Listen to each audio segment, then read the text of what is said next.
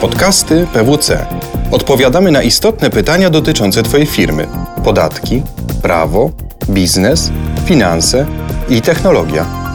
Nagrania są dostępne na pwc.pl łamane przez podcasty. Dzień dobry, witam w nowym odcinku podcastów PWC. Nazywam się Jakub Gołębiowski. Zapraszam Was do odsłuchania audycji, w której zadam trzy ważne pytania dotyczące klauzuli obejścia prawa podatkowego. Naszym gościem jest Marcin Chomiuk, partner w dziale podatkowo-prawnym PWC. Dzień dobry. Dzień dobry. Marcinie, może na początek takie bardzo podstawowe pytanie. Co to jest klauzula obejścia prawa podatkowego, czy też klauzula GAR? No GAR to oczywiście jest rozwinięcie angielskie, czy skrót angielski de facto od e, tego, o czym byłeś uprzejmy wspomnieć, czyli klauzuli obejścia e, prawa. Jest to instytucja prawna, która pozwala władzom skarbowym w dużym skrócie i w dużym uproszczeniu e, zapomnieć o wszelkich konsekwencjach podatkowych danej transakcji, kiedy uznają, że jest ona wykonywana w sposób sztuczny, e, w sposób, który e, standardowo biznes by nie wykonał, tylko i wyłącznie po to, żeby osiągnąć jakieś korzyści podatkowe. Czyli z założenia ma być ona stosowana wtedy, kiedy fiskus dojdzie do przekonania, że dana transakcja została zrobiona tylko i wyłącznie dla celów podatkowych i nie ma żadnych przesłanek biznesowych. Rozumiem. Można w takiej chwili się zastanowić, czy ona musi istnieć? Czy takie narzędzie jest potrzebne w systemie prawnym? To jest bardzo dobre pytanie. Wydaje mi się osobiście i, i ten pogląd podziela też wielu, wiele osób zajmujących się e, podatkami e, na świecie, że żyjemy w tak skomplikowanej rzeczywistości podatkowej, tak skomplikowanym świecie w ogóle, gdzie Gospodarka jest zglobalizowana. E, przedsiębiorcy mają bardzo dużo różnych pomysłów, innowacji, powodujących, że biznes bardzo szybko się zmienia. To powoduje, że dotychczasowy sposób legislacji, taki jaki znamy i w zasadzie, który się nie zmieniał od XVIII wieku, e, jeżeli chodzi o sam sposób e, pisania prawa, odchodzi do lamusa. Z tego względu, że ustawodawca nie jest w stanie nadążyć de facto za wszystkimi zmianami biznesowymi, które się dzieją na świecie. Efekt jest taki, że oczywiście z oczywistych powodów jest potrzebny instrument, który pozwoliłby w sytuacji nieuregulowanej wprost w przepisach na zastosowanie powiedzmy takiej interpretacji czy takiego sposobu działania, które powodowałby umożliwienie fiskusowi walkę z ewidentnymi przestępcami podatkowymi. No bo jakie mamy inne możliwości? No, możemy sobie wyobrazić sytuację, że będziemy bardzo kazuistycznie, przypadek po przypadku, próbowali regulować wszystkie możliwe sytuacje w biznesie. Tylko efekt będzie taki, że to prawo stanie się kompletnie nieczytelne i e, taczkami będziemy przywozili kolejne ustawy, które de facto i tak będą zawsze dwa, trzy kroki za rzeczywistością, bo rzeczywistość się tak szybko zmienia. Innymi słowy można powiedzieć w ten sposób. Wszystkie rozwinięte kraje taką klauzulę GAR mają. Sama klauzula GAR, sama klauzula o mm, unikaniu mm, opodatkowania, e, obejścia prawa podatkowego nie jest czymś złym. Istotne jest co innego. Jak tą klauzulę będziemy stosować w praktyce? No właśnie, tutaj chciałbym y, zadać pytanie, bo słyszałem takie określenie, że ta klauzula jest jak broń atomowa w rękach fiskusa. Możesz powiedzieć nam, jak ona powinna być stosowana, właściwie y, jak ona powinna być wykorzystywana na co dzień? Ja myślę, że to porównanie do broni atomowej jest absolutnie adekwatne, bo to jest trochę właśnie jak z bronią atomową. E, ona ma odstraszać, natomiast idealny stan jest taki, żeby jej broń Boże nie używać. Dlaczego? Dlatego, że używając klauzuli, e, władze skarbowe mogą de facto pominąć wszelkie konsekwencje transakcji zawartej przez podatników, czasami w dobrej wierze, i wywieść z tej transakcji kompletnie różne elementy podatkowe, efekt podatkowy. Co to oznacza w praktyce? Ano tyle, że może się okazać już po transakcji, że zamiast zapłacić X e, podatku, muszę zapłacić 100 razy X. Efekt oczywiście może być druzgocący dla e, biznesu, który był w taką transakcję mm, e, włączony, z tego względu, że koniec końców może się okazać, że tego biznesu już po prostu nie ma.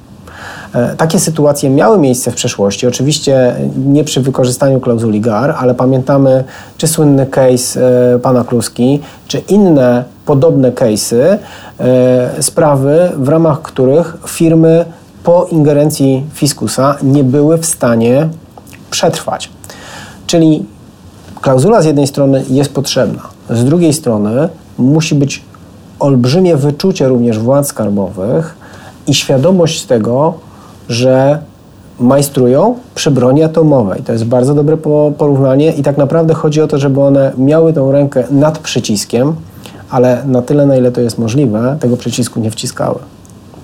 Zabrzmiało to co najmniej groźnie, dlatego moje e, ostatnie pytanie będzie się wiązało z tym, jak biznes sobie radzi w tej sytuacji.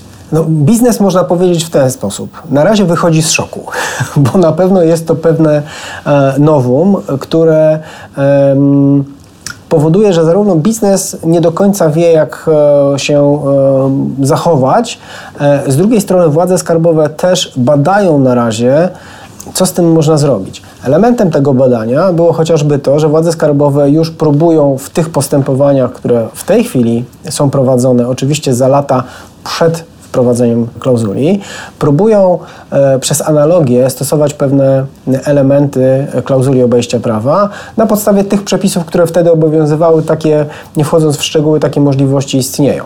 To powoduje, że biznes ogólnie jest rozedrgany. Bardzo dużo niepewności wprowadziła ta klauzula obejścia prawa podatkowego. W związku z tym na pewno E, niepewność wzrosła niepomiernie, e, a przecież najistotniejszą kwestią dla biznesu jest to, żeby miał poczucie stabilności przepisów prawa, w tym przepisów podatkowych. E, czasami dochodzi do sytuacji zupełnie kuriozalnych, no bo też odczarujmy pewną potoczną jak gdyby prawdę, gdzie Wydaje się czasami biznesowi, że sytuacje, w których mam faktycznie jakieś e, elementy podatkowe, które są dla mnie korzystne w ramach danej transakcji, już powodują, że ktoś może tą klauzulę GAR, e, klauzulę obejścia prawa zastosować. No nic bardziej mylnego. Każda transakcja pociąga ze sobą jakieś konsekwencje podatkowe. Dwa, w zależności od tego, jaką transakcję wybiorę, mogę mieć inne konsekwencje podatkowe, to znaczy zapłacę więcej albo mniej podatku. Czy to jest złe same w sobie? Oczywiście nie. Co więcej, sądy wielokrotnie powtarzały, że nie jest e, oczywiście obowiązkiem podatnika wybierać taką drogę, e, czy taki e, sposób działania w biznesie, żeby płacić jak najwięcej podatków.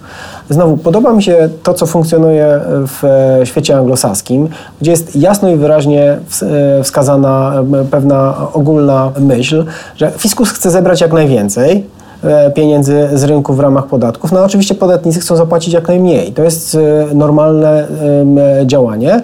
Natomiast chodzi o to, żebyśmy mieli jasne, przejrzyste reguły gry, to po pierwsze, i po drugie i najważniejsze, najważniejsze w szczególności dla biznesu, żebyśmy tych reguł gry nie zmieniali w trakcie meczu.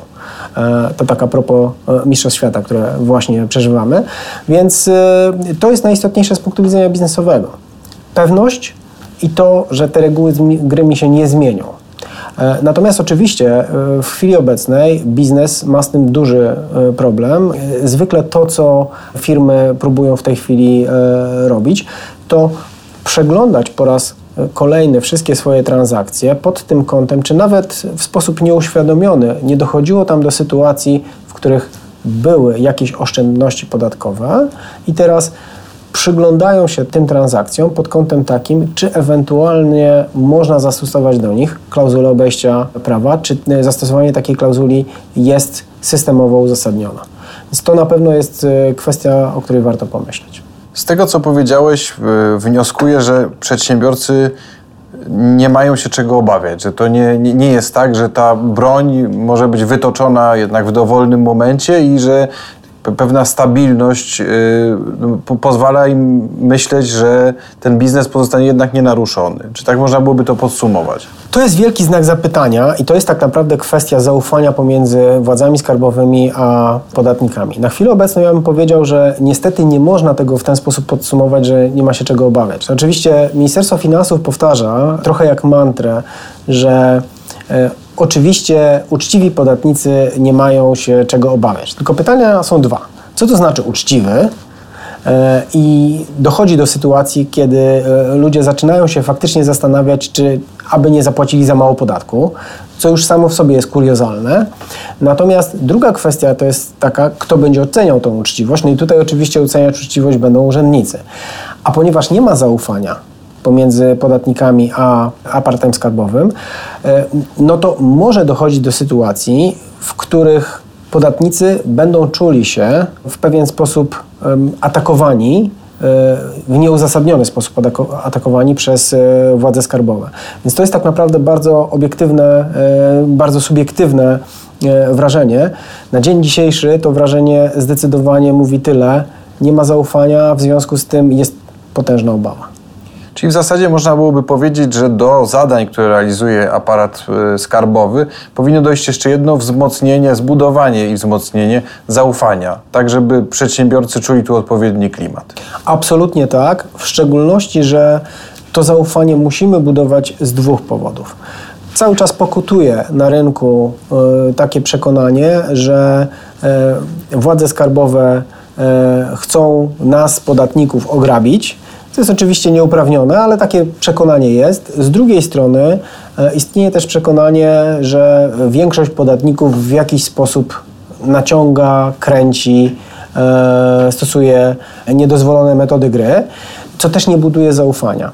E, na pewno to zaufanie jest kluczowe, szczególnie w sytuacji, w której jedna ze stron, w tym wypadku aparat skarbowy, dostał do ręki narzędzie, które jest po prostu niezwykle niebezpieczne, w sytuacji, kiedy będzie tego narzędzia używało e, w sposób nieodpowiedzialny. Można podsumowując powiedzieć w ten sposób. Gar to jest taki nóż. Można nim ukroić chleb, ale jednocześnie można zrobić komuś krzywdę.